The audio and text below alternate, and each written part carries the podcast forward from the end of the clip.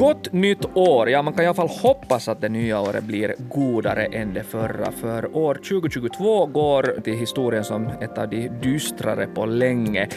Ryssland startar sitt anfallskrig mot Ukraina, vilket sparkar igång en europeisk energikris och en livsmedelskris.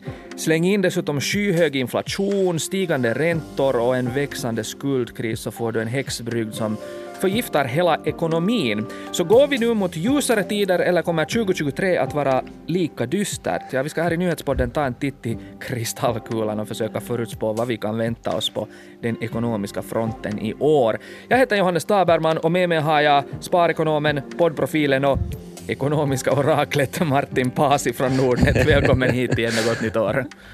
tack, tack och gott nytt år.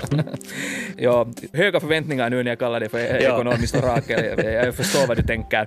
Men jag tänkte att vi skulle försöka få en bild av, av de ekonomiska utsikterna och vad vi kan vänta oss av år 2023 genom att titta på de viktigaste ekonomiska frågorna som diskuteras just nu. Ja. Och om vi börjar med recession, för det här är någonting som nu många går omkring och är rädda för att ska komma. Jag menar, Finlands ekonomiska tillväxt ser ut att stanna av de närmaste åren, så, så klarar vi oss undan en recession det kommande året? Nej.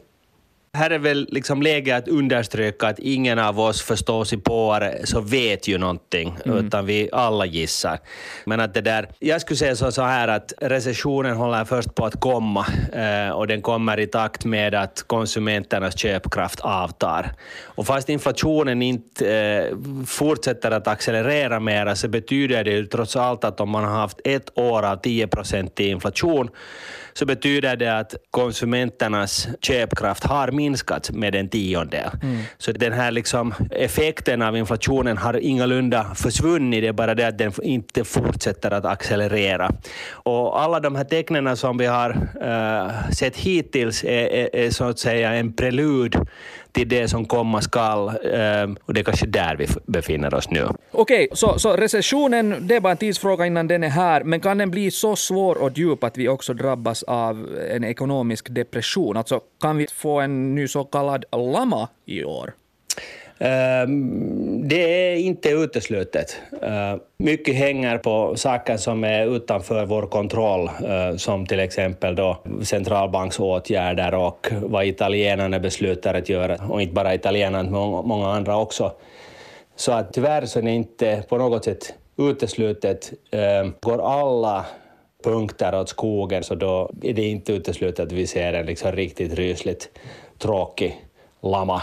Mm eftersom vi har de senaste 14 åren har kört med skuldfinansiering och den här cirkusen lär ju ta slut någon dag och det verkar som att musiken har slutat spela och stolarna är få. Ja, lama så, så associerar jag med, med liksom massuppsägningar, arbetslöshet, andra nedskärningar. Men ser det inte ändå just nu i alla fall ganska ljust ut på arbetsmarknaden med tanke på sysselsättningen? Jo, det är bara det att när man vad heter det, åker in i en inflationsdriven lama så går det ofta via full sysselsättning. Hur mm. ologiskt det låter, men det finns alltså en sån här Philips kurva eh, kombinerat med förväntningar om framtiden som man har studerat från 70-talet och då har man kunnat ganska överraskande konstatera att, att, att de här inflationsförorsakade lamorna uppstår just på det sättet. Vi följer en sån här dynamik där det först går till full sysselsättning och sen tar allt slut. Så vi ser ett bekant mönster här nu? Ja. Nå, under 90-talets eh, depression, lama, så steg räntorna skyhögt och nu ser vi att de stiger igen. Kan vi ännu vänta oss rekordhöga räntor i år eller kommer ränteläget att lugna ner sig nu under våren till exempel? Ehm, jag tror att vi kommer att se stigande räntor i år också. Och det hänger också ihop med det att realränteläget liksom är också lite sådär på efterkälken. Men att det är bra att komma ihåg att i normalläge så är räntan högre än inflationen. Och det, det, bygger på den logiken att för att någon ska låna pengar åt någon annan så vill den få en ersättning. Mm. Och just nu är ju realavkastningen eh, eller liksom realräntan negativ så att det här är fortfarande onormalt. Och när, när man talar om räntor så går ju de flesta tankar här till bostadslån och bostadsmarknaden. Och här ser vi nu liksom dyrare bostadslån, sjunkande bostadspriser, också en minskad efterfrågan. Vad har vi framför oss på bostadsmarknaden? Är det galna dagar med stora prisras som vi kan vänta oss i år? Det är vansinniga dagar med stora tragedier som vi kan vänta oss.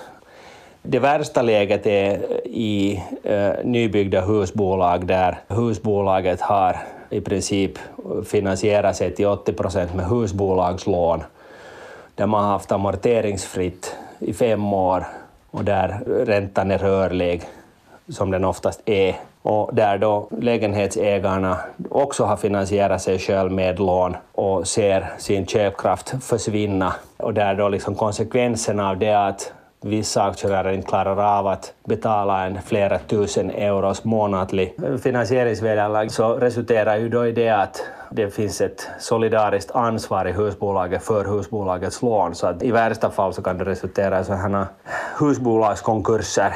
Det, det är i alla fall liksom i teorin fullt möjligt. Men att om vi tar liksom lite konservativare äh, läge där äh, unga familjer har köpt åt sig en förhållandevis stor träa på, på närmare 100 kvadrat och man har köpt det då på höga nivåer och skuldsatt sig till tänderna och inte har fast ränta. Så det är ju klart att om du har tagit lånet i ett marknadsläge där du i praktiken bara har betalat lånemarginalen på en kanske halv procent åt banken då referensräntan har varit negativ, så om referensräntan går upp till 3 procent så betyder det ju att din räntekostnad sexdubblas. Så det, det liksom, allt hänger ihop med allting och, och sen när det här korthuset rasar så, så slår det ut lite åt alla håll, mm. tyvärr.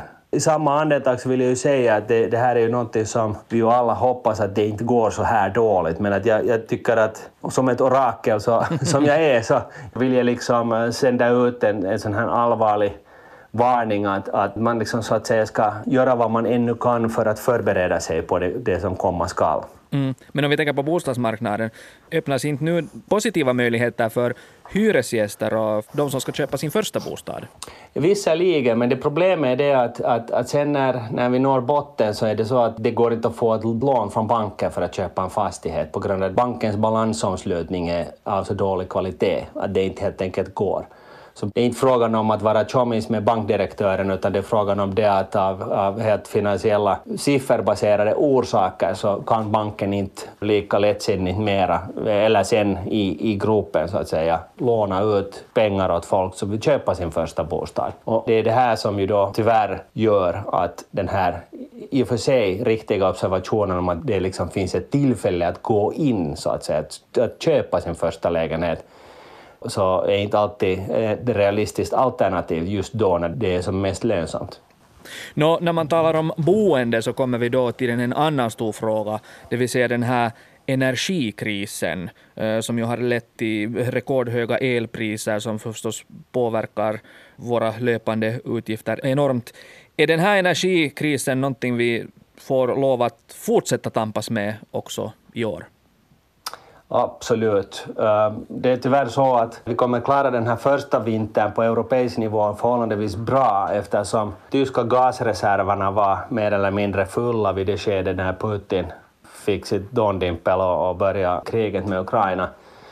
Ehm, nu är det oklart om det finns tillräckligt med kapacitet att fylla på de tyska gasförråden för den inkommande vintern. Och det mm. finns sådana tongångar som säger att det inte kommer att gå. Och då betyder det att den här första vintern som vi nu lever, så det är liksom bara en prelud till det som kommer sen nästa vinter. Allt det här vi nu talar om hänger förstås ihop med inflationen som är skyhög just nu och som gör det dyrare för, för oss alla. Finns det alls några tecken på att eh, den kan komma ner i år eller är det så att säga gröt som står på menyn i år igen? Det finns tecken på att inflationen kommer ner, inte minst i termer av att oljepriserna har kommit ner och, och de här energipriserna har åtminstone på vissa håll i världen liksom pikat för stunden i alla fall. Men, men det oaktat så betyder det inte att till exempel då bostadsräntan slutar att stiga. Att I normalfall så har du en, en 2 inflation och en 4% ränta det är ju liksom det vad man hittills har i mänsklighetens historia liksom mm. sett som det normala fallet.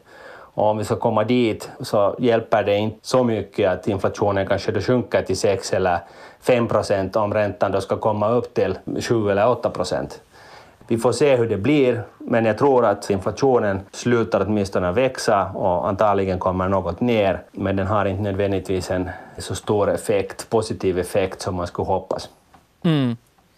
Ehm, när elpriserna, matpriserna, bensinpriserna stiger, dessutom räntorna stiger, så sätter det här ju press på de flestas ekonomi och det här tvingar allt fler att, att lyfta lån eller leva på kredit för att ha råd med allt. Det här gäller liksom både privatpersoner, företag och, och också staten. Så ett hur stort skuldberg tvingas vi bestiga i år? Det är jättesvårt att säga, men att eh, Tyvärr är jag, är jag liksom orolig för att 14 år av ultralös penningpolitik på högsta nivå, men också på jordnära nivå, så har resulterat i att folk har för mycket lån för att klara av dem, särskilt om endera föräldern till exempel då dessutom får gå. Så att det är väl det här som jag ondgör mig så mycket på, att den här ansvarslösa politiken som har förts verkar vara fullständigt fjärmad från den verklighet vi riskerar att hamna in i, där riktiga människors öden kommer att vara tragiska. Nå, när pengarna sinar och högen med, med räkningar växer så är det säkert en och annan som känner sig förbannad och, och som tycker att hej, come on, borde jag inte få en lönehöjning? Kan vi räkna med det här och är det här alltså en lösning? No, var och en så ska absolut kräva en löneförhöjning som motsvarar inflationen. Allt annat är lönesänkning. Men problemet med det här är att ge ett sånt här råd åt alla så är ju det att det accelererar inflationen. Mm. Och inflationen kommer igång på det sättet att det finns för det första mycket pengar i omlopp som vi har pumpat i marknaden de senaste 14 åren. Sen då en extern kris, Eh, energikris som fick inflationen att börja stiga från och med hösten 2021, alltså före kriget, som sen accelererades ytterligare av kriget. Sen när då levandet blir dyrare så resulterar det ju naturligtvis i det att folk vill ha mera lön för att då klara av den dyrare eh, vardagen och så bidrar det här i sig självt till att inflationen fortsätter att stiga. Och det är därför som inflationen är liksom så skrämmande grej, någonting som vi har helt och hållet glömt bort under de senaste 14 åren. Nå, om, om allas löner inte kan höjas så finns det ju säkert många som nu hoppas på att staten ska börja dela ut mera direkta stöd för att vi ska klara oss igenom i alla fall den här kalla vintern. Och åtminstone nu så ska vi börja få kompensation för de höga elpriserna. Men kan vi sådär hoppas på mera så kallade helikopterpengar i år som staten eh, sprider ut över oss? No, det verkar vara den enda lösning som nuvarande regeringen känner till och, och, och, de tycker väl om att köpa röster. Så att det kan vi absolut räkna med men precis på samma sätt som löneförhöjningar så bidrar det här till accelererande inflation. Och det är väl den här biten som inte nu riktigt har sjunkit in hos beslutsfattarna att, att den här krisen är inflationsdriven, du kan inte lösa det genom att skapa ännu mera inflation. Det finns ingen bekväm, lätt utväg, utan du måste bita det sura äpplet och du måste ta konsekvenserna av en 14 år lång fylla. Apropå fylla, kan vi ha en ny börsfest framför oss? Jag tänker under pandemiåren så började rekordmånga placera pengar på börsen och det var stor börsfest. Men nu har vi ett dåligt börsår bakom oss. Så kan placeringar i aktier vara på något sätt en biljett ut ur den här liksom skuldfällan och ett sätt att hållas ekonomiskt på, på ytan för den som har några pengar att lägga undan? Om du bara har möjlighet så fortsätt att månadsspara som du har gjort hittills. Och, och har du uh, inte gjort det tidigare så börja månadsspara med en liten summa. För det här är, är liksom en del av ett, ett, ett liksom förnuftigt hushåll. Men eh, mot den här bakgrunden som vi har snackat tidigare så är det förstås lite svårt att se att vi skulle se något eh, vidunderliga kursuppgångar eh, och, och det där ifall vi får ett slut på kriget i Europa i år så, så kommer det ju definitivt att ha en positiv effekt. Men att det där aktiemarknaden eh, är generellt sett värderad på en nivå som motsvarar IT-bubblans topp. Så att vi har visserligen kommit ner, men bubblan har ingalunda spruckit, så det finns definitivt en risk för att värdena kommer att fortsätta att gå ner där också. Nå, för att knyta ihop säcken, äh, finländarnas tilltro till sin ekonomiska framtid är rekordlåg och när jag lyssnar på dig så låter du lika dyster som mannen på gatan. Så vad skulle vara ett bra nyårslöfte enligt dig för att, för att vi ska hålla oss på rätt sida om den ekonomiska vägen nu när vi ger oss in i det nya året? Lagspel. Nu är det liksom så att vi har inte riktigt den lyxen att vi kan hålla på och tjafsa på Twitter eller tjafsa i riksdagen, utan vi står inför sådana potentiella kriser och öden att vi måste sluta tjafsa sinsemellan. Vi måste försöka lösa de här problemen tillsammans. Eh, vi måste så att säga hitta en, en gemensam ton som vi kan spela på samma sträng eh, för att helt enkelt lösa de verkliga, reella problem som vi har. Tack för det här tipset för nyårslöfte, Martin Pasi. Tack. Det var roligt att ha dig med här igen fast ditt budskap var dystert. Eh, du har lyssnat på årets första avsnitt av nyhetspodden från Svenska Yle med mig Johannes Taberman. Ami Lassila är producent och Satu Ulmanen skötte tekniken. Fortsätt lyssna på oss.